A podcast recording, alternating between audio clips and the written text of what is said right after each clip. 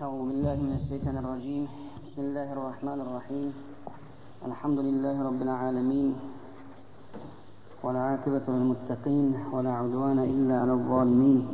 والصلاة والسلام على رسولنا محمد وعلى آله وصحبه أجمعين. وبعد السلام عليكم ورحمة الله وبركاته.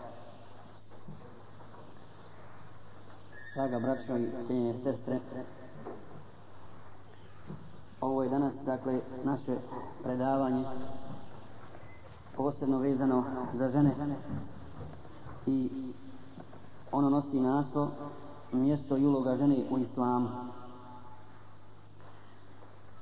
Mi smo izabrali ovu temu posebno zbog situacije u kojoj mi danas živimo i zbog prašine koja se diže i koja se digla u našem vremenu oko pitanja žene.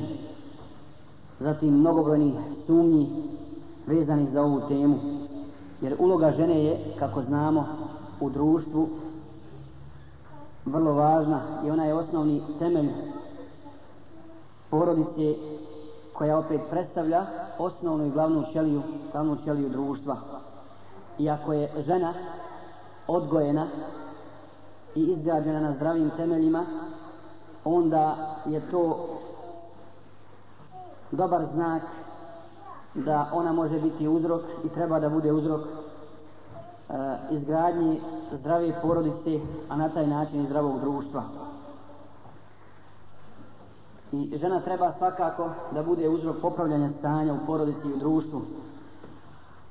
Jer ona ima svoju nezamenjivu ulogu kao majka, kao supruga, kao sestra i kao kćerka. Da je zaista uloga žene velika i nezamjenjiva, posebno u islamu, i da joj islam pridaje veliku važnost i veliku pažnju, spomenut ćemo samo jednu stvar ili činjenicu o kojoj možda, a rijetko kad, žene muslimanke, a posebno muškarci, uopšte i razmišljaju, a to je činjenica da je Resul sallallahu alaihi ve sellem kao Allahov poslanik, kao čovjek i Allahu najdraže stvorenje, rođen u krilu žene i umro je u krilu žene. Zatim uzeli smo ovu temu da bi odgovorili na šubhe i sumnje oni koji zloupotrebljavaju pitanje žene kako bi napadali islam i njegove uzvišene principe, njegovu čistotu i kako bi na taj način pokvarili ženu, a preko nje pokvarili kompletno društvo. I mi znamo, cijenjene sestre i draga braćo, da Allahovi neprijatelji i neprijatelji Islama i njegovog poslanika sallallahu alaihi ve sellem u svakom vaktu, na svakom mjestu rade i neprestano svi u fesad i nered na zemlji a posebno danas u našem društvu preko, preko žene. Tako da kaže jedan od židovskih vođa, ako mi uspijemo pokvariti ženu, ako uspijemo izvući ženu muslimanku iz njene kuće, odnosno iz njene porodice, tamo gdje je zaštićena, gdje je sigurna i gdje ona treba da se potvrdi, gdje njena uloga treba da se u potpunosti potvrdi, mi smo završili sa ženskim pitanjem u islamu. Dakle, mi smo završili sa muslimanima. Ako to odradimo, završili smo s tim pitanjem. Zbog toga je tema o ženi vrlo važna, kako bi se objasnilo mjesto žene u islamu i odaglale sumnje i napadi na islam. Jer ženi se danas, mi vidimo da se danas ženi daje centralna uloga u sredstvima informisanja, u novinama, reklamama i preko toga se šire mnogobrojne sumnje i šubhe koje vode u obmanu i neznanje. Zato, cijenjene sestre, ako pogledamo kroz istoriju ovo žensko pitanje, vidjet ćemo sasvim jasno kakvo mjesto ima žena, kakvo mjesto ima žena i kakvu ulogu u islamu, a kakvo u drugim, u drugim vjerama. I čak kod Ehlul Kitabija, kako ćemo kasnije spomenuti. Što se tiče islamskog učenja, žena je, kako nas obavještava Allah Đelešanuhu u Kur'anu, u džahilijetu, u džahilijetu bila ponižena i obespravljena do maksimuma. Tako da su je smatrali i držali samo kao predmet za iživljavanje i udovoljavanje niskim strastima. Pored toga, mi znamo da su ljudi u džahilijetu mrzili, mrzili da im se rodi žensko dijete. Mrzili su dakle žensko potomstvo tako da kaže uzvišeni, obavještavajući nas i objašnjavajući ovaj njihov, ovu njihovu zabludu i njihovu nastranost, u suri Nahl kaže أعوذ بالله من الشيطان الرجيم وإذا بشر أحدهم بالأنثى ظل وجهه مسودا وهو كظيم I kaže, kada se nekome od njih javi, pogledajte koliko čovjek može se odroditi od svoje prirode. To je njegov plod, plod njegov, dakle, njegovo sjeme, isto kao, kao, kao i muškarac. E, kada se nekome od njih javi da mu se rodila kći, lice mu potamni. Potamni od straha i stida i postaje potišten. يتوارى من القوم من سوء ما بشر به أيمس أيمسك أيمسكه على هون أم يدسه في التراب ألا ساء ما يحكمون kaže Allah Đelešanuhu dalje kaj krije se od ljudi zbog nesreće koja ga je zadesila i razmišlja da li da je ostavi da li da ostavi to žensko dijete i da živi ponižen prezren i postižen zbog toga ili da je zakopa živu ili da je živu zakopa u zemlju. Dakle, tako su razmišljali džahili u to vrijeme. Dakle, kada bi se nekome od njih javi, da li on bio na poslu ili u trgovini svojoj ili negdje, vanku, ili negdje u borbi, u džahilijeskim borbama, ako mu se javi da mu se rodilo žensko dijete, to je najveće poniženje za njega. Najveće poniženje ako se rodi žensko dijete. Stidi se, krije se od ljudi, ne zna kako će doći do kući. I dok dođe kući, na putu do kući razmišlja šta da uradi. Hoće li da je zadrži i da živi tako ponižen zbog toga što ima žensko dijete? Ili da je živu, živu zakopa. Zato, I to je bio njihov običaj. Običaj predislam, predislamskih Arapa je bio zakopavanje žive ženske djece. Zato Allah Želešanu kaže u jednom ajetu, nama dobro poznatoj suri وَإِذَا الْمَوْءُودَةُ سُئِلَتْ بِأَيِّ ذَنْبٍ قُتِلَتْ I kada živo žensko dijete bude upitano, zbog kakvog je grijeha ubijeno. Zbog čega? I ja ću, ja ću ispričati, ja sam nekada govorio i spominjali smo ovaj primjer, ali možda neko nije slušao ili nije čitao ovome. Jedan primjer, živ primjer toga tog ružnog čina, tog, odra, tog, tog odvratnog čina, kada čovjek koji ima pamet, koji ima razum, koji živi u braku sa svojom ženom i kad mu Allah podari živo žensko dijete, kako se ponaša, kad nije na istini, kad ne zna za gospodara svjetova. Primjer ashaba Abdullaha ibn Mugaffala, koji je redovno dolazi da sluša poslanika, sallallahu alaihi ve sellem, i kada bi dođi, Svi bi ashabi nešto pričali, nešto razgovarali, pitali poslanika sa veselem, osim njega. On je bio potišten i tužan. I jednog dana poslanik sa veselem ga pita, zašto ti, o Abdullah, nikad ništa ne pitaš? Zašto ti samo čutiš? Kaže, ja Rasulallah, ja sam kao mušrik, koji je u džahilijetu, imao jedan slučaj koji mi ne da mira. Koji mi ne da mira. Šta je uradio? Kaže, žena mi je bila trudna i ja sam otišao na put. Nisam bio kod kuće, dakle, vratio sam se nakon dvije godine. Vratio sam se nakon dvije godine kući.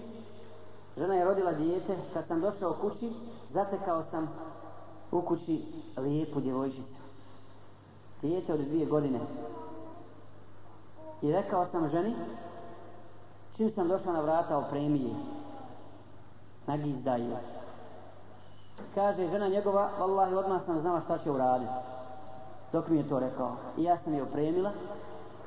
I on je odnio. I kad je krenuo s njom, rekla, rekla sam mu, o čovječe, ne izdaje manet.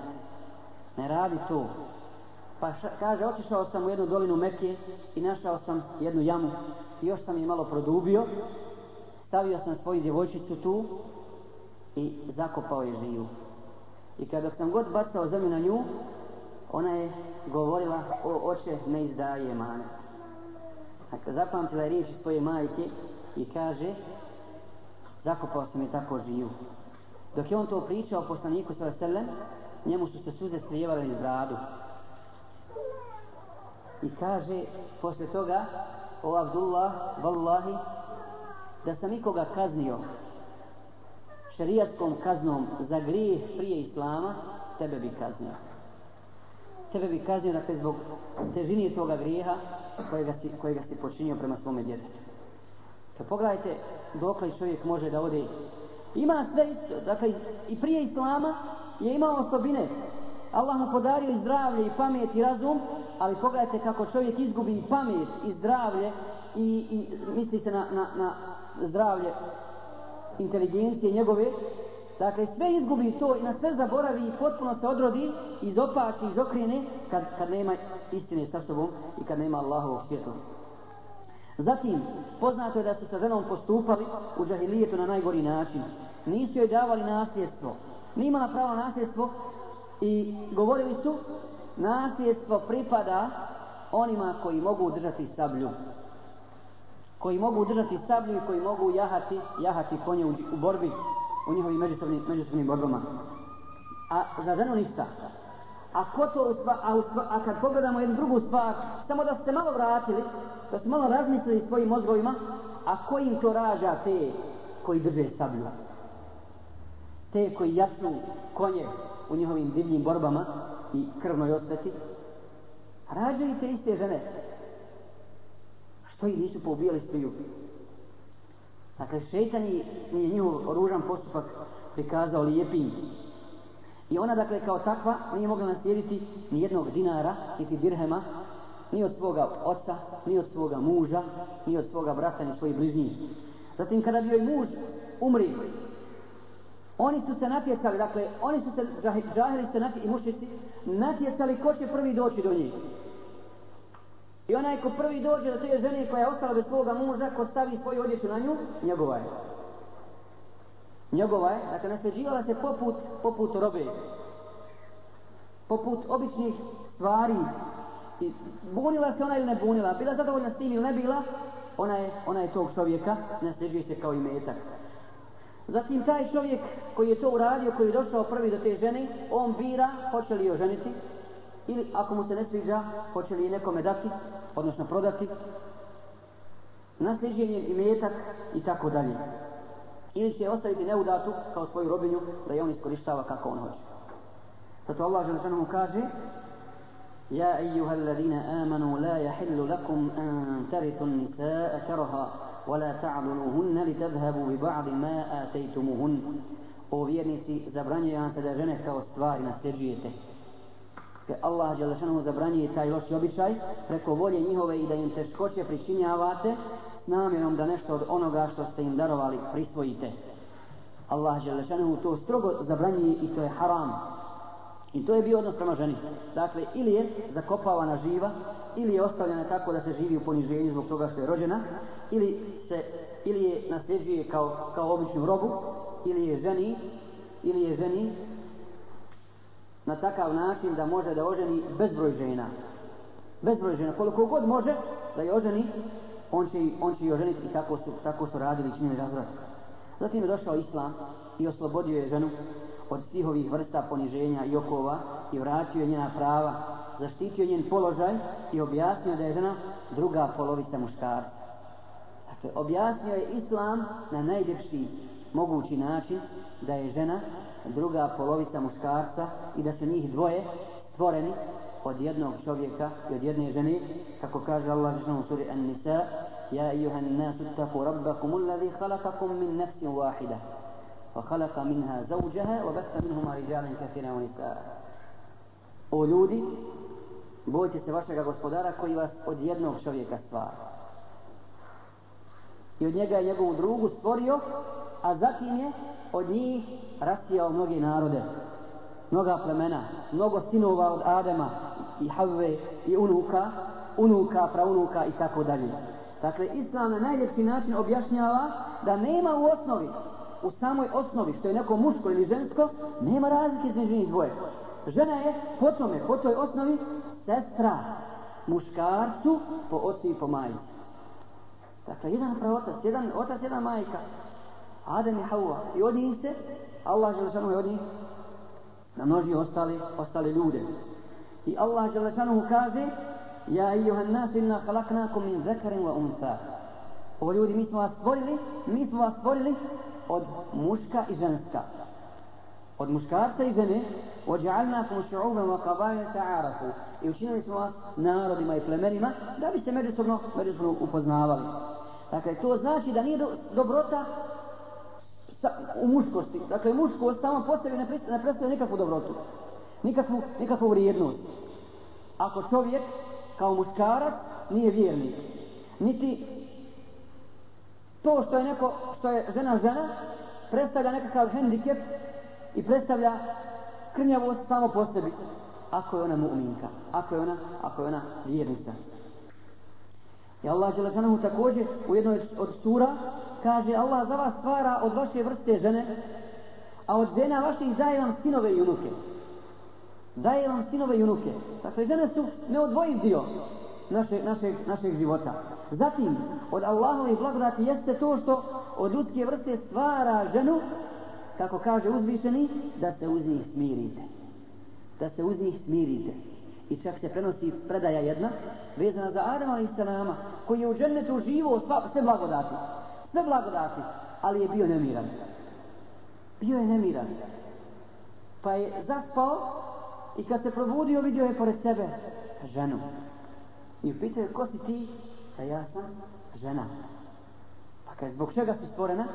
Kaže stvorena sam da se uz mene smiriš. Stvorena sam da se uz mene smiriš. I Adam a.s. se smirio uz, uz ženu, pored svih ostalih blagodati kojima Allah je ženu podario, podario u džennetu. Znači, ona je njegov smiraj i njegov odmor poslije umora i njegov saputnik na životnom, na životnom putu.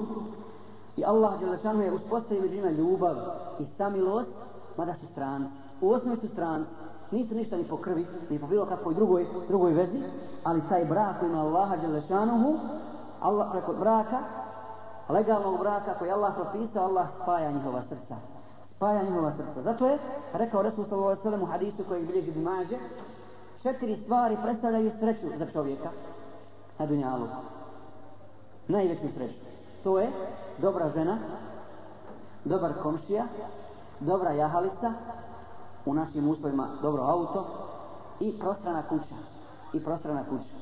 A četiri stvari čovjeku, kod čovjeka izazivaju potištenost i tugu. Obrnuto, dakle, loša žena i ona je na prvom mjestu. Da imaš ne znam koliko bogatstva, da si najbogatiji čovjek, ako ti brak nije u redu, ako ti žena nije pokorna, nije poslušna, ako se ne dogovarate oko zajedničkih stvari, ako uistinu nije žena, kao što ćemo navesti primjere za danas, da se žena također odrodila od svoje prirode, preko kjafirskog zavođenja, preko njihovog sira i njihovog obmana, ona ti je džaba sve tvoje bogatstvo i e, sav tvoj ugled i položaj koji uživaš u društvu. Ovo je, braćo i sestre, dokaz da žena nije stvorena uzalud i da ona nije stvorena kao predmet iživljavanja kako je opisuju džahili. Ona je u istoj ravni sa čovjekom i ona je jedan od stubova, od stubova društva uopšte. Pogledajte, dakle, opisali smo džahilijski način života. Predislamski način života. Kako su postupali prema ženama? A također, nedavno, to nije davno bilo, na kraju 17. stoljeća, crkva kršćanska, odnosno sve kršćanske sekte, su vječale na svojim sastancima o čovjeku i ženi. A posebno su razmatrali žensko pitanje i postavili su ovakva pitanja. Da li žena kao takva ima uopšte dušu? Da li žena ima dušu ili ne ima? Dakle, njihova inteligencija, njihove crkvene vođe su postavljali to pitanje tražeći odgovor. Ima li žena dušu ili nema? Zatim, ako ima dušu, je li to insanska ili hajvanska duša? Zatim, ako je insanska, je li u istoj ravni sa čovjekom ili nije? Sa muškarcem. Je li njena duša poput, poput duše muškarca? Te pogledajte kolika, koliko ponižavanje žene kao takva. Zašto? Zato što su to nije učenje Isa i salama. To nije učenje Musa i salama. To nije učenje jednog poslanika. Ali kad su skrenuli s pravog puta, onda se ponašaju kao mušici prije Islama. Ponašaju se kao pagani, kao nevjernici i ne mogu drugačije. Zatim, u pogledu nasljedstva, u pogledu nasljedstva Allah Želešanu je odredio ženi njen dio u islamu. Zato kaže uzvišeni لِلْرِجَالِ نَصِيبٌ مِمَّا تَرَكَ الْوَالِدَانِ وَالْأَقْرَبُونَ وَلِلنِّسَاءِ نَصِيبٌ مِمَّا تَرَكَ الْوَالِدَانِ وَالْأَقْرَبُونَ مِمَّا قَلَّ مِنْهُ أَوْ كَثُرَ nasiban mafruda. Muškarcima pripada dio onoga što ostave roditelji i rođaci, a i ženama dio od onoga što ostave roditelji i rođaci. Bilo toga malo ili mnogo. Odre, tačno određen, propisan, propisan dio. Ili u 11. majetu isti sure, dakle sure Nisa, kaže Allah šanom u samom prevodu, na našem jeziku, Allah vam naređuje da od djece vaše muškom pripadne toliko koliko dvijema ženskima, a ako bude više od dvije ženski, njima dvije trećine onoga što je ostavio, a ako je samo jedna, njoj polovina. A roditeljima svakom posebno šestina od onoga što je ostavio ako bude imao djeteta. A ako ne bude imao djeteta, a nasljeđuje ga samo roditelji, onda njegovoj materi trećina. I tako dalje. Dakle, ovo su ajeti koji govore tačno o nasljedstvu, nasljedstvu žene. Koliko ona nasljeđuje kao majka, koliko nasljeđuje kao supruga, koliko nasljeđuje kao čerka i koliko nasljeđuje kao sestra, kao sestra ako čovjek ima djece ili ako nema djece i tako dalje. Dakle, odredio je islam ženi njen, njen dio, njen dio u nasljedstvu. I to je ne smije niko osporiti. Ne smije joj niko to osporiti ni uzeti, ona je njen dio A ako ga uzme nepravedno, čineći joj zulum, snosit će odgovornost na sudnjem danu zbog toga. I Allah Đelešanu će ga kazniti zbog toga. Zatim, Allah Đelešanu je regulisao preko svog šerijata, preko poslanika sallallahu alaihi ve sellem, bračno pravo i bračne odnose među, među, među ljudima. Dakle, dao je pravo u nasljedstvu, ograničio je broj žena koje se mogu ženiti, jer Arapi su prije toga ženili koliko su god htjeli i koliko su mogli, A Allah Đelešanuhu zatim dolazi, objavljuje, objavljuje ajet sure An-Nisa broj 3, gdje kaže uzvišeni وَإِنْ خِفْتُمْ أَلَّا تُقْسِتُوا فِي الْيَتَامَى فَانْكِحُوا مَا طَابَ لَكُمْ مِنْ نِسَاءِ مَثْنَى وَثُلَاثَ وَرُبَاعَ فَإِنْ خِفْتُمْ أَلَّا تَعْدِلُوا فَوَاحِدَةً أَوْ مَا مَلَكَتْ أَيْمَانُكُمْ ذَلِكُ ذَلِكَ أَدْنَى أَلَّا تَعُولُوا Kaže Allah žanu, ako se bojite da prema ženama, siročarima, sirotama, nećete biti pravedni, onda se ženite sa onim ženama koje su vam dopuštene sa po dvije, sa po tri ili sa po četiri, a ako strahujete da nećete biti pravedni, onda samo sa jednom, onda samo sa jednom, ili eto vam onih koje posjedujete. Tako će se najlakše nepravde sačuvati. Dakle, Allah Đelešanu je ovim ajetom regulisao način, način braka, odnosno broj žena koje se mogu ženiti. I vallahi, kad bismo samo o ovoj temi govorili, možemo navesti jasne dokaze, jasne dokaze dozvo, prirod, a, a, e, mudrosti u dozvoljavanju, dozvoljavanju više ženstva, a ograničavanjem, ograničavanjem na četiri žene. Na četiri žene. Pogledajte koliko samo muškaraca više, više izgini u ratovima. I pored toga koliko se muškaraca, koliko se onaj žena više rađa inače. Allah Želešanomu zna kakva se mudrost u tome, u tome, u tome krije. Ali, kad bismo i logički razmišljali o više ženstvu, ne o zinaluku, ne o, o, o tome da, da, čovjek, da, da se čovjek iživljava s tim, recimo, danas svakako ima više žena nego muškaraca, i bez ratova i s ratovima, a posebno kad se desi rat, koliko je danas u Bosni ostalo hudovica? Koliko ostalo hudovica nezaštićeni sa djecom i tako dalje? I pogledajte kakav se fesad nakon toga proširio u Bosnu. Kakav fesad se proširio i koliko se zinaluka počini te žene koje ne znaju za vjeru, koje ne znaju za pravi put, koje su došle, ušle u čist, čiste i čestite u brak, nakon toga rat im je razorio sve to, nemaju muža i onda kao djevojka nije obešća, kao, kao žena kad se tek udala nije obešćastila svog muža, sad kad ima djecu sa njim, kad ima, kad ima potomstvo, sad radi ono što je Allah je zabranio. I ruši tako svoj dom, svoju čast, svoju porodicu, svoju djecu, odvodi na krivi put, ostavlja ih po strani i zapostavlja samo zbog, zbog svoje strasti. Ali Islam je odredio više ženstvo i mudrost se velika krije u tome. I vallahi, kad bismo samo o tome razmi, kad bismo razmišljali samo u jednom momentu, istinski kad bi razmišljali, o tome, kolika se mudrost krije u tome. Zamislite sad, sto, sto hiljada muškaraca, recimo, ima kod nas, spremni za ženitbu, a 300.000 žena. I 100.000 muškaraca oženi 100.000 žena. Po jedno. 200.000 žena ostaje neudati. Nema muškaraca za ženitbu. Šta će raditi one? Šta će raditi one? Spremne za udaju. Drugo, ako muškarac dovede dvije ili tri, šta to znači? Teret samo njemu. Teret, ženama lahko. Ako poštuje islamski propis, njemu teret. Jer kad čovjek ima jednu ženu, jednu kuću, dolazi s posla vazda u jednu kuću i donosi. Posao kuća, posla. Imaš drugu ženu. To je islam, to je čestitost. Ti ženiš drugu ženu. U ime Allaha Đelešanuhu, onda imaš dupli teret. Dupli teret, dvije kuće, pa moraš donositi jednu i drugu. Isto jednako, isto jednako. Pa šta ako imaš tri? Dakle, ulaziš svojoj ženi na vrata, da li ona bila druga ili treća, četvrta, a ne na prozor. Ne stidiš se toga. Dakle, vjenčao si je i prihvataš je, prihvataš je kao svoju ženu, a regularno isto kao i prvu, kao i drugu, kao i tako dalje. Ako si u stanju, ako si u mogućnosti. Wallahi, a logički dakle, da razmišljamo, to je hak, to je istina od koje se ne može pobjeći.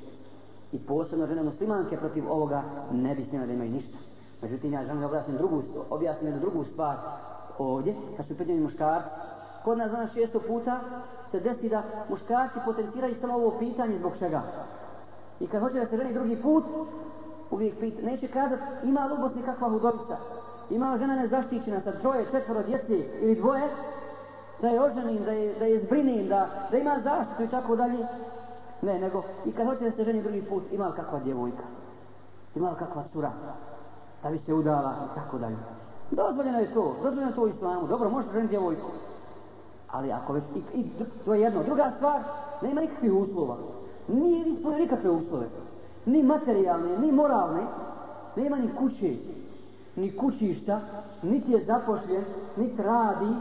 Nema, ne može obezvijediti normalan život svojoj jednoj ženi, a hoće da se ženi po drugi put. Hoće da se na taj način čini zulum svojoj prvoj ženi. Dovodi je u težak položaj. Prije svega zbog njene ljubomore i nespatanja ove situacije, a drugo zbog toga što ona vidi da on, da zbog čega se on ženi. Samo zbog strasti, ni zbog čeg drugog. I vallahi na to moramo dobro rasti pažnju. A otkriće se to zbog čega ti to radiš. I koji god, ko se, koji god muškara se oženio, a ima kod nas takav slučaj, u ime Allaha Đelešanovu brak je u redu. Vallahi je brak u redu. Između dvije i makar bile i tri žene. Nema nikakvih, nema nikakvih problema. A ako se želi zbog toga, pa ti ćeš psihički poremeti svoju ženu. A rastrojit ćeš je. Dakle, nemaš uslova za nju i da, nju, da njoj bezbediš materijalne uslove, a ti si to dužan. Ti si to dužan. I još se postavlja uslov, ne samo to, nego ako se ženka, e, ja bi oženio drugu ženu ako ima stan. Ako ima stan, ne, ne, ne, nego nek ima i stan, ne bi ti ja dao taj stan. To je stan za moje dijete, a ti meni ako si muško, ako si muška ja hoće ženu, onda, na, onda kupi kuću i kupi mi stan. Obezbedi mi, obezbedi mi uslove. To je pravednost Islama. To je pravednost Islama. I žene u takvoj situaciji, dakle, kad muž po svaku cijenu hoće da dovede drugu ženu, a nema uslova, da se razumijemo, dakle, ove stvari moramo dobro razumjeti. Ne smijemo otići ni jednu krajnost. Niti žene, vallahi, smiju da prigovaraju na ovaj propis, jer ako, ako prigovaraju na to, znači prigovaraju na šerijat, a i ti muškarci smiju zloupotrijebiti, zloupotrijebiti tu stvar, jer Allah zna što njihovim srcima, ako to zloupotrijebi, nemaš nikakvih uslova. Nemaš nikakvih, Allah spominje ovdje, ako se bojiš da biti pravedan, a ti nemaš uopšte uslova, kamo da će biti pravedan? Zato, onda u takvoj situaciji, kad hoćeš da srušiš jedan brak, da bi, da bi, da bi zadovoljio svoj strast u drugom braku, žena ima pravo na razvod braka. Žena ima pravo tada na razvod braka a nema pravo ni slučajno da pomisli na razvod braka ako si ispunio sve uslove, sve šarte, nemaš nikakvih problema s tim, sigurno će biti pravedan i ona te zna kao pravedno, tada ako ona pokrene brakorazvodnu parnicu, a ti hoćeš da se ženiš drugi put, odgovarat će sigurno na, za to na sudnjem danu i ona je kriva za rušenje, za rušenje te porodice i tog braka. Vjenčani dar, ne samo nasljedstvo, ne samo da je regulisao broj, muškara, broj žena koje se mogu oženiti, nego je regulisao za ženu i mehr, taj njen vjenčani dar koji je obaveza na muškarca. Važi. Mora ga, mora, mora ga dati. Pa kaže Allah za i draga srca ženama vjenčane darove dajte, a ako vam one od svoje volje od toga što poklone, to s prijatnošću i, godnošću, i ugodnošću uživajte. Dakle, to morate, to je obaveza, obaveza muškarca. Zatim, ako se radi o razvodu braka, ako se radi o razvodu braka, dođe do toga, Allah žele da šanuhu mrzi razvod braka, kako što stoji u hadisu poslanika sallallahu alaihi ve sellem, Ali ako bi došlo, ne može se nikako više živjeti. Ne može se, jer u islamu je, brak jeste sveta stvar. Međutim, nije, nije, nije garancija da se dvoje, dvoje muškarac i žena mogu, mogu stalno živjeti zajedno. Ne mogu nikako. I bolje da se tada rast, ako nikako ne mogu, ni poslije razgovora, ni poslije dogovora zajedno, onda se mogu razvesti. Međutim, kada je neka sitnica u pitanju, stržba e, i tako dalje, neka greška ispala, kakav je postupak kako se razvedu? Dakle, ne stal, ne trajnim razvodom braka, kad se žena mora uzeti za drugog, da bi se, pa se razvenčila da bila onda da halala svom prvom mužu. Ne. Nego, razvodom na, kada ima pravo na povratak muža. Obaveza je tada ženi čekati idet, dakle taj period koji treba da istekne kad, ponovo, kad ponovo može da se uda za drugog u kući svoga muža. I ako, je, ako se desio razvod, ako se desio razvod, dakle taj talak je ređ pravom povratka, onda, onda muškarac, žena treba da čeka u kući svoga muža taj iddet. Zašto? Zašto? Zbog toga što je on opet najpreći da je zatraži ponovo i da, da mu se vrati jer nakon izvjesnog vremena kad se malo strasti stišaju kad e, prođe srđba ili ljutna jednog od njih muškarac opet muž njen može da je pozove da se ponovo vjenčaju da žive zajedno u braku. zato čekam u njevoj kući jer ako ode iz kuće onda će se udaljiti srca tu su, osjećaju jedno za drugo, ali ne žive bračnim životom i pola ideta ili da kraju ideta nije bitno kada, muž ima pravo, ako hoće da je vrati, ako se mogu dogovoriti, da je vrati. To je najpreće. I to je, to je najbolje. Znači, Islam je zaštitio braćo i sestre ženu od svih vrsta poniženja i neprijatnosti. Zato je zabran, pored svega ovoga što smo napravili, materijalni stvari vezani za, za život žene, kao supruge, majke, sestre i tako dalje, Islam je zabranio razgoličavanje ženi i osamljivanje sa muškarcima koji joj nisu bliža familija, bliži rod, a mi znamo šta to znači. Čuvajući tako njenu čast, njen ponos i naredio je hijab. I naredio je hijab, odnosno pokrivanje, pa kaže uzvišenje u suri Ahzab wa idha sa'altumuhunne mata'an fas'aluhunne min varai hijabin. Kada nešto od njih tražite, dakle od žena, koje, koje vam nisu, koje su vam dozvoljene da se ženite, ali koje su vam, dakle, koje vam nisu mahram i kojima vi niste mahram, tražite to iza zastora. Tražite to iza zastora. Zalikum afhar li kulubikum wa kulubihin. To je najbolje i najčišće za vaša srca i za njihova srca. Dakle, čak kad se, kad se nešto tra, neka pot, neku potrebu imaš, hoćeš da učiš nauku, hoćeš da čuješ hadis kako su ashabi to radili, od Aisha radi koja je majka svih vjernika, Ne može niko ženiti posle toga. Posle posle nikoj smrti. A kamo ostale žene? Tražite to iza zastora. Iza zastora. I hoćemo samo da ovu, ovu stvar uporedimo sa savremenim, sa savremenim žahilijetom. Zašto danas? Vidjeli smo kako, kako su iskoristili i zlopotrijebili prava žene džahili predislamskog doba. A pogledajte kako danas rade i šta rade šafiri i kako zlopotrebljavaju prava žene i njenu ulogu u današnjem dobu, u savremenom, u savremenom žahilijetu. I vjerujte, vjerujte da je to daleko gore nego ono što su radili u žahilijetu predislamsku. U mnogim stvarima je daleko gore i daleko opasniji, opasniji. Šta mi vidimo ovdje na svim, na svim mjestima? Vidite šta su radili, ono, kako su na početku pomenuo ono židova što je rekao za ženu. Ako nju iskoristimo, ako nju zloupotrijebimo, gotovo je, završili smo sa društvom, sa porodicom, sa društvom i tako dalje. Nema tog društva ništa. Samo golišava ženska tijela to plak reklame, plakati, eto čime, to je kultura, to je život. Gole ženske butine, ne možeš proći, ne možeš proći od toga. I šta hoće s time? Jer to, jel, jel, jel to način da se, jel to put do prosperiteta žene? Do njene emancipacije? Vidite kako u ženi, šta u ženi gledaju? Šta čahri gledaju u ženi? samo predmet za iživljavanje i zadovoljavanje niskih strasti. Samo, gledaju je samo kao tijelo. Ništa više. Dakle, za sebe lično, a, a da bi zavodili i druge, da bi zavodili drugi. Ma nema ako ti reklamira auto.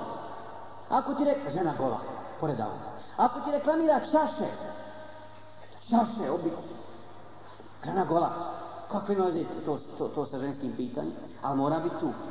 Ako ti reklamira traktore, traktore, Žena gola pored traktora. Što? Da bi te privuko da kupiš, da privuko mušterije. Dakle, gdje je, gdje upotrebljavaju i šta od nje, šta od nje hoće? Wallahi, samo kao jeftino robu je prodaju. Samo kao jeftino, nema tu ponosa. Ne drži se do nje kao do, do, do bića, do stvorenja koje je Allah Želešanuhu zadužio, zadužio sa emanetom i sa velikim obavezama zbog, zbog kojih će odgovarati, odgovarati na sudnjem danu. Dakle, ništa, ništa drugo. I vjerujte, kad bi ta žena, dobro, što samo, što samo onaj mlade žene ili lijepe stavljaju go, gole na, na, na, na naslovne stranice, na reklame, na plakate i tako dalje. Vidite koliko poštuju ženu. A kad bi njihova žena, najveći učenjak bila, dobitnik Nobelove nagrade, dobitnik svih nagrada, neće nikad staviti na naslovnu stranicu. Ni golu ni obučenu. Jer ne mogu privući s njom nikoga. Ne mogu obmanuti, ne mogu, ne mogu, ne mogu slagati, slagati nikoga. To je jedna stvar. Zatim vidi zakona. Ko fol hoće da daju prava i slobodu, slobodu ženi. I u svim evropskim zemljama i američkim također, šta se deš, kakav je zakon? Ako se slučajno razvede sa ženom, ne smije danas čovjek pisnuti u kući. Ne smije progovoriti ženi jednu riječ. A kamoli, kamoli da upotrijebi silu kada ona neće da sluša. Izlazi kud hoće, radi šta hoće, ne pitate, ne slušate, ne dogovara se s tobom, a ti joj samo čvoku pali gotovo zove policiju, razvod braka i ti moraš plaćati alimentaciju, a još ako ima djecu, dvije, tri hiljade maraka i ti ćeš crknuti od, od muke i od bijede zbog, zbog toga. Wallahi fesad, fesad na zemlji. I što radi? I kad požele, kad požele djecu, ili ako ima neki drugi dunjalički interes, uda se, čim rodi dijete, muža šutne koji cuku, a cuku dovede u kuću. I završena priča, neće više s tobom. I onda će ne čini razvrat, ne dati dijete, ko pol ona ga, ona ga odgaja. Šta ona odgaja? Ali eto, hoćete ko pol, jer ima taj nekakav majčinski osjećaj, hoće da ima dijete. Ali ne želi nikakve obaveza, ne želi pokornost mužu. Ne, ne, ne.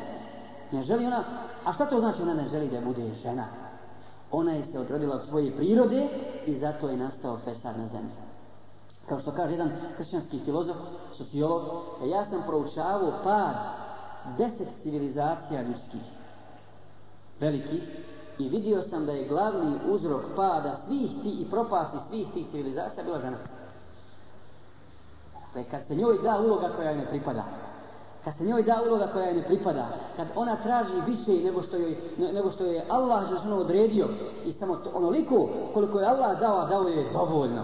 Wallahi dovoljno da je zaštiti da je njenu ličnost i da se ona potvrdi kao ličnost i kad se odrodi od toga, kad sve ne staze, onda je, onda je završeno s njom, a također i sa društvom u cijelini. Dakle, Islam je zaštitio ženu i učinio je poput bisera u školici poput, poput dragulja, tako da svoju ljepotu, svoju ljepotu koju je Allah dao i zbog koje će odgovarati, može pokazati samo svome mužu, jer su jedno drugom, jer su jedno drugom halal. A nije dozvolio da bude predme za izživljavanje, niti je dozvolio Islam da žena bude komad mesa bačen među pse koji se, koji se bore za njega i često puta, često puta uživaju ga, uživaju ga na, na zabranjen način. I pogledajte dokle ide to, kad hoće čak ljudi da riješe u nekakvim svojim državama, u nekakvim svojim državama, da riješe ekonomsko pitanje. Čuli ste šta je rekao Jelcin, onaj ludak, ruski bivši predsjednik, pijanica iz Inavuća, šta je rekao? E, Rusija ne može izići iz krize osim da uradi jednu stvar. A šta je to? E, da prodaje mlade žene, da prodaje njihova tijela i da na taj način zarađuje, zarađuje par. Pogledajte dokle, dokle ide, ide ta, ta, to odražavanje od, od, od ljudskosti, od ljudskog bića. I to, vallahi, ne može čovjek pametan nikako da shvati da, pa je li to moguće? Je li moguće dok ne čuje svojim? Pa jel, jesam, jesam pravilno čuo, jesam dobro čuo? Jes. Jesam dobro pročitao? Jes. Svoje čeri, svoje sestre. Kako ćemo ići iz ekonomske krize? Davati, prodavati, prodavati. A kada, i pogledaj, umjesto djece, umjesto unučari da vodaju unučar i da se raduju zbog toga, vodaju pse. Najružnija i najprljavija sa, zajedno sa svinjama, naj, najprljavije životinje. I Allah je strogo zabranio. I kaže poslanik sa selem, ko drži psa u kući, Ko drži psa ne u kući, nego ko drži inače psa, bez razloga, dakle, niti je lovački, niti čuva kuću, niti čuva usjeve, svaki mu se dan oduzima od njegovog sevapa, ako i vadeti, kolik brdo uhud. Svaki mu se dan oduzima toliko. Od njegove nagrade. A oni se vesi. Ne samo, nego kad napadneš, jedan primjer iz Sarajeva, jedna, jedna žena izvela nežaljaka psa da mokrike pred kućom i sestra jedna vidjela to i zagalana i kaže nosi tu džukelu, nosi tu džukelu odatle. Kaže, zar ti mom suki da kažeš džukela? Ti mom suki da kažeš, vallahi, E kaže, nećete vi ovdje sprovoditi vaš šerijat nego ćemo mi raditi ono, ono, ono, što mi, ono što mi hoćemo i što mi želimo.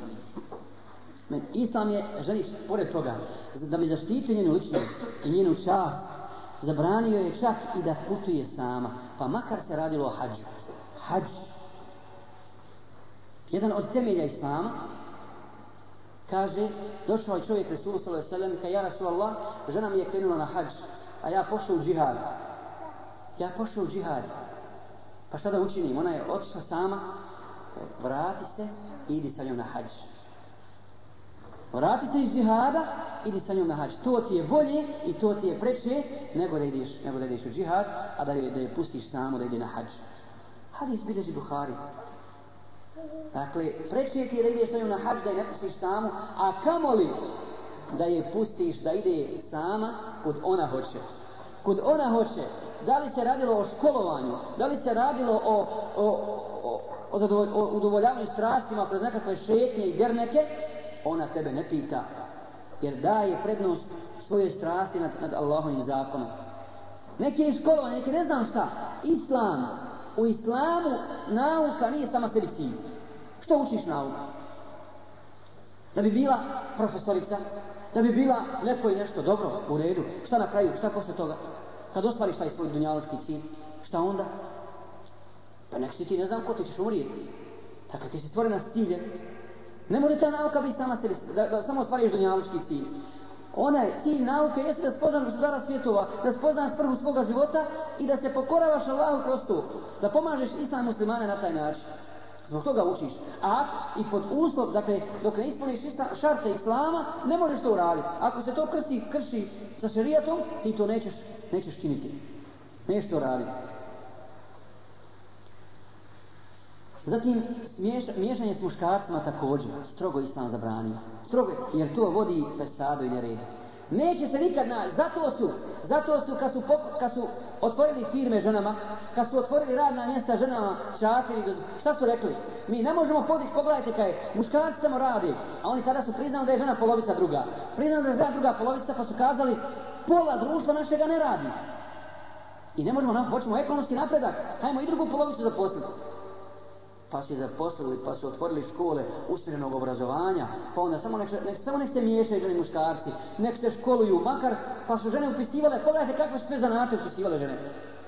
Metalo strugar, metalo glodar, ova, ona, nema veze sa, sa životom, nema veze s njenom, pro, s njenom, s njenom ženstvenošću. Biće da završi školu, ima neki, neki papir da ima. I bila konobarica, ili bila ovo, ono, ne, neće nikad raditi ona te poslove, nikada ali, će, ali joj se kasnije zbog tog papira kojeg ona ima, a bolje bilo da ga nema ili puta, na, mora se naći radno mjesto. Mora se naći radno mjesto. I tu zajedno po cijeli dan za mašinom radi sa drugim muškarcem. A muškarac, muž njen, radi u nekoj tamo trećoj firmi sa drugim ženama. A nemoguće je da se muškarac i žena zajedno vide i da zajedno rade, cijeli dan vire jedno drugom uzube, a da se strast ne probudi. A kad se strast probudi, ona traže se zadovolji. I tako je nastalo. I mi znamo da je najviše zinaluka su počinili ko? Radne kolege. Radne kolege. Najviše zinaluka su počinili radne kolege. Muškarčina u firmama, raznoraznim, raznoraznim fabrikama. I to je hak. A nek neko dokaže da nije tako. I demantuje. I to smo znali svi. To smo znali. A kako, kako to spriječiti? Kako to spriječiti kad je to djelovalo? Čak i na muslimane, ne kod nas u Bosni, nego u čitavom islamskom svijetu. Djelovalo čak jedna žena, novinarka, kaže u jednim novinama, odnosno književnica, kaže od mana arapskog muža jeste ljubomora. To je mahana. Čovjek je toliko ljubomoran, što me ne pusti na miru. Da radim, da radim šta hoću. Ili jedna druga žena također, koja živi u islamskom svijetu, kaže, kaže, mi smo mnoge stvari propustili u životu. I kaj kod nas je u našim državama, recimo, rade neke stvari, razmišlja se o nekim stvarima koje ne koriste ništa društvu. Kao što su kaj pokušaj da se napravi atomska bomba, da se proizvodi oružje i tako dalje. Daleko bi bolje bilo za nas i da ekonomska situacija bila bolja da se naprave, da se naprave plesne škole. Škole za ples i da, oda, da se te djevojke šalju na plaže da bi se na, da bi na taj način zavodili turiste, da bi turisti što više dolazili i davali pare našoj državi. Muslimanka. Dakle, takav odnos je bio, bio kod nas. Muslimanka. Dakle, takav odnos je bio, bio kod nas. Bio kod nas. Pored toga, is, Islam je zabranio ženi, za, šta? Čak klanjanje. Nije zabranio, nego nije joj naredio klanjanje džummi. Niti joj je naredio klanjanje u džematu. Oslobodio je toga. Nije joj zabranio dolazak u mešću. Ne, kada je poslana se ne zabranjujte, ne zabranjujte Allahovim robovima, odnosno robinjama, ženama koje su pokrajaju Allaha, za ne zabranjujete im ulazak u mešću, dolazak u mešću. Ali im je bolje da klanjaju u kući. Čak i kad je žena došla poslaniku sa srednjaka, ja Rasulallah, hoću da dođem u mešću, poslaniku u mešću. Koliko, nam, koliko puta je namaz redio poslaniku u mešću? Hiljadu puta. Jedan namaz ko hiljadu namaza. Vam. Hoću klanjati u mešću za tobom. U poslanikovom mešću za poslanikom. Koji je to namaz? Kaže Resul sa sallam, namaz u tvojoj kući ti je bolji nego da dolaziš da klanjaš za mnom u mom. Bolji ti je, a nije ti zabranjeno da dođeš. Ali opet pod šartom, opet pod određenim, određenim uslovima koje žena mora ispuniti. Zatim, pogledaj kakav su pesat prošli kod nas. U našim, poslije rata, u našim osnovnim školama, znam lično da u našim, na selima, najzabitnija sela, bira se mis u osnovnoj školi. Najljepša djevojčica i najljepši muškarac. Zašto? Zbog čega? Jer on će se posle toga normalno ponašati i razgoliti onako kako, kako to radi ostali. I onda na televiziji prikazuju glumice koje su postigle vrhunac dunja, dunjalučkih, dunjalučkih želja, koje su postale popularne i tako dalje i tako dalje. Zbog čega? Da ta naša, jer njima nije cilj s pornografijom, pornografijom samo da, da, one, da one to rade i da one širite da se slikaju. Ne. Njima je cilj da ta pornografija, da ta moda uđe u kuće čestitih žena muslimanki. To im je cilj. I da poželi ta muslimanka da bude poput, poput Brigitte Bardot, ja? Ili poput neke druge glumice. A vidi, ka, vidi kakav je njihov život, Allah. Vidi kakav je njihov život. Šta sad da radi Brigitte Bardot koja je bila najpoznatija glumica i koja za sebe kaže da je imala najviše ljubavnih veza preko, preko 5000 muškaraca imala u svom životu. Sad živi stara, ružna, gadna, a vazda je bila gadna i kad je bila i kad, i kad, i kad je živjela s muškarcima, živi sa psima i sa životinjama. I naredila je i vas je ostavila da je ukopaju sa psima. Pa tamo je mjesto. Tamo je mjesto. Psećim životom je živjela i sa psima nek se, nek se ukopa. Ili jedan dan ja čitam u, u Sarajevu, u Slobodnoj Bosni, knjigu koju je napisao jedan novinar koji je puno se družio sa poznatim ličnostima.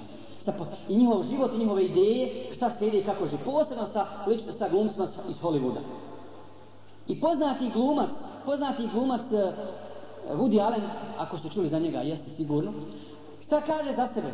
Osob, njegove osobine njegov karakter i tako dalje, šta slijedi, šta voli, šta ne voli, pa kaže, to je čovjek koji inače nikad nije volio se kupa. A zbog čega? Kaže, kupanjem se odstranjuju prirodni sokovi iz tijela.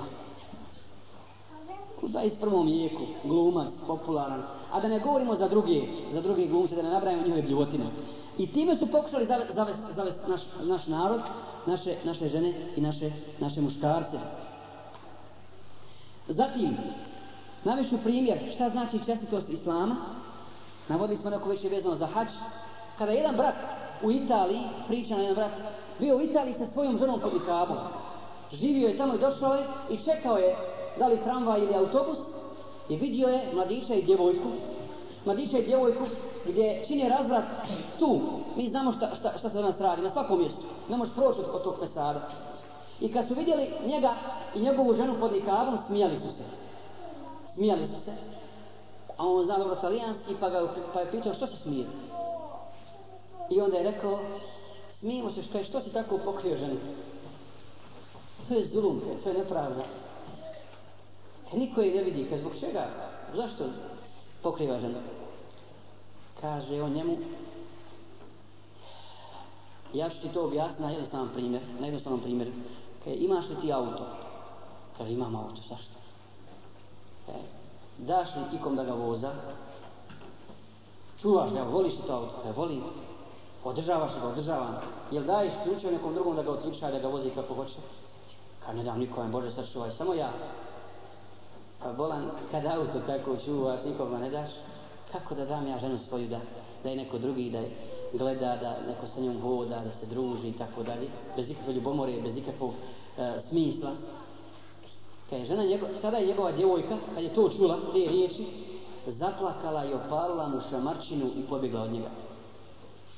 Pobjegla od njega. Koliko je ponižava, koliko je vrijeđa, dakle, osjetila je da je ona samo samo predmet za iživljavanje, za iživljavanje strasti ovog muškarca. I osjetila je da je on toliko bjedan jedan, a i ona, ta, i ona također. Dakle, to je ponos Islama. I žena je zaista u Islamu samo, samo zaštićena. I to je dokaz koliko Islam poštuje ženu kao ličnost i koliko čuva njenu čast.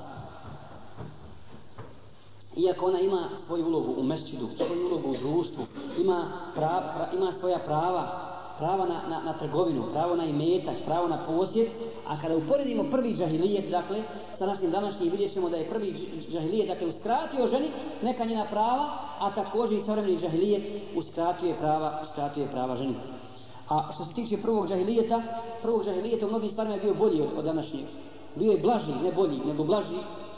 Držali su više do ponosa, više držali do časti, do časti žene. Pa mi znamo da su čak tavafile žene gole, gole u to vrijeme, ali po noći, po noći. I govorile su šta? Ako sam ohalalila, ako sam otkrila, nisam nikomu halalila. Ko otkrila tijelo, nikom nije halal.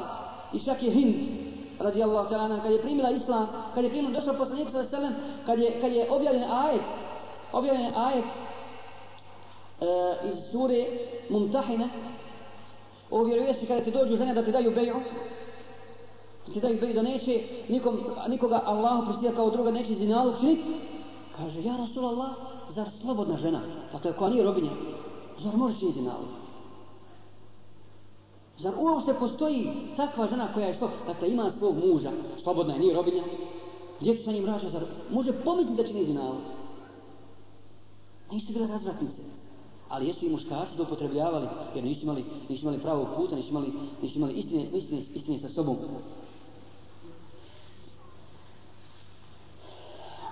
Međutim, danas u ovom džahilijetu nije tako. Žena je dakle izgubila svoja prava, tražeći više nego što je Allah dao, izgubila je svoja prava koja ima i zaista je ponižena, ponižena, ponižena do dna, a misli da je to, da je to nekakav uspjeh da je to, da je to dobro. Jer kad žena, ako ženu izjednačimo s muškarcem, i ako je samo nemoguće izjednačiti, ni po fizičkoj konstrukciji, ne može raditi poslove koje radi muž. Žena ima svoj mjesečni period, žena ima hajz, žena ima nifas, žena bude trudna, rađa djecu, nemoguće, nemoguće da ona radi poslove koje radi muškarac. Muškarac sve to nema i on je sposoban da radi najteže poslove. Allah ga stvorio tako i zadužio ga na kraj krajeva da on zarađuje, da on donosi, da on kupuje, da, a da žena izgradi šta? Porodicu da izgradi kuću i tu je ona carica, tu je ona kraljica kuća, kako naš narod kaže, ne stoji na zemlji, nego, nego, nego na, na ženi. I žena nikad ne može raditi poslove muškarca, niti muškarac može raditi poslove ženi. A kad, a kad to uradi, šta je tek sa odgojem? Šta je tek sa odgojem djece? Žena odlazi na posao, muškarac odlazi na posao. Kome ostavljaju djecu? Kome ostavljaju djecu? Nekakvim sluškinjama tamo koje plaćaju skupim parama da bi odgajali. A kako će oni odgajati? Ne, Oni samo čuvaju, koji, koji pse čuvaju. Bitno je, bitno je da, da spava dok ti dođeš s posla, da ga najede, da ga napije, da ga, da ga opremi i obuče, nikakav odgoj. A odgajaše ga, odgajaše ga ako je kršćanka, učiće ga kršćanstvu. Ako je nevjernica, uči, učiće ga kufru i, nevje, i nevjeri i odgajaše ga onako kako ona, kako ona hoće. Dakle, to je propast, taj džahilijet, savremeni propast za muslimane i za muslimanke. I žena kao ličnost danas izdata, izdata je porodica, porodica izdato je društvo i zbog toga mu prijeti, prijeti velika, velika opasnost. I mi vidimo koliko sada kjafiri rade, čak su u Engleskoj razmišljali o zakonu da ukinu, televi, e, da ukinu televiziju u potpunosti. Da ukinu televiziju kao pojavu, ne treba im, uništi im porodice, uništi im djecu, uništi im djecu, moral kakav takav, uništiš. dakle srozao se moral do dna, ljudi ne znaju šta će i kompletne države razmišljaju o svom društvu koje, koje se odalo nemoralu i poroku, a oni su krivi za to kako da ga iščupaju, kako da ga izbave i vrate, i vrate, i vrate iz toga. Dakle, žena muslimanka mora svoje dužnosti ispuniti. Ako istini prema Allahu Đelešanu, on naš ispuni svoje dužnosti i kao supruga, i kao majka, i kao sestra, i kao čerka. Kao supruga, ja bi, ja bi naveo samo jedan primjer koji je vrlo divan, vrlo lijep. Kaže, pitali jednu ženu, pitali jednu ženu, kaže, šta ti koristiš? Koja sredstva koristiš kad hoćeš da se ukrašiš svome mužu? Šta koristiš kao sredstva? Kaže, koristim sljedeća sredstva. Za usne koristim istinu. Dakle, moje usne govore samo, samo istinu. Za glas svoj, kao uljepšu. Da ga uljepšam, koristim zikr. Koristim zikr. Za oči, kao ukras, koristimo obaranje pogleda. Obaranje pogleda za ruke, koristim dobročinstvo. Dobročinstvo prema svome mužu. Za noge, ustrajnost na istini ustrajnost na pravom putu, za srce kao ukras koristi ljubav prema Allahu Želešanuhu, za razum, za pamet, mudrost i za svoju dušu, pokornost prema Allahu Želešanuhu, a za svoju strast, za svoj nefs, svoju dušu, koristi iman kao ukras. Iman kao ukras. To su ukrasi istinske, istinske žene. Zatim kao majka odgaja svoju djecu, ljubomorna je prema njima i ponaša se kao sahabijke, želi Allahovo zadovoljstvo, želi da odgoji svoj, od svoje djece da napravi istinske, istinske ličnosti. Jer kako kažu, žena jed, jednom rukom, svojom desnicom ljulja, ljulja svoje čedo, a ljevicom ljulja sa ostali svijet. Sav dunjalu. I ako ona bude kako treba odgojena, odgajaše, odgajaše i svoju djecu. Jer Allah žele kaže Inna Allahe la yugayir ma bi qavmin hatta yugayir ma bi anfusihim. Allah neće promijeniti sa jednog naroda dok on sam sebe ne izmijeni. I zato je nama obaveza da radimo na odgajanju, na odgajanju naših žena, sestara i kćeri i majki u duhu Islama kako bi one, kako bi one mogle odgajati buduće generacije u duhu Islama. I vallahi je sestre na, mama, na vama velika uloga i velika odgovornost velika odgo odgovornost za buduće generacije za vašu djecu za vašu unučad za vaše potomstvo. Od vas zavisi mnogo. Od vas zavisi pobjeda Islama inšala uz Allahovu pomoć ili brzina te pobjede brzina vraćanja Islamu. Činite da'avu ne samo da odgajate svoju djecu, nego činite davu drugima, pokažite svojim primjerom šta znači islamski život, šta znači muslimanka kao supruga, kako ona izgleda i kakav je njen život, šta znači muslimanka kao majka, kako ona izgleda, šta radi i kako radi, pokažite drugima to na svom vlastitom primjeru da bi se drugi poveli za vama. Jer znajte da ljudi i žene koji žive u žahilijetu i kufru vape za istinom vape za istinskom srećom istinskim životom a vi im to možete priuštiti i pružiti. A ako to ne uradite bit ćete odgovorne i za sebe i za druge koje niste pozivali i niste upozoravali niste bili pravi primjer a znali ste istinu. Molim Allaha Želešanuhu da nas svi učvrsti na istini da nam oprosti grijehe, da nam naše žene, naše majke, naše sestre budu istinski primjeri, da odgoje naše generacije istinskih muđahida i boraca na Allahovom putu i da nas Allah Želešanohu za to nagradi na budućem svijetu najljepšom, najljepšom nagradom. Amin. Zatim, no, hajs, ono,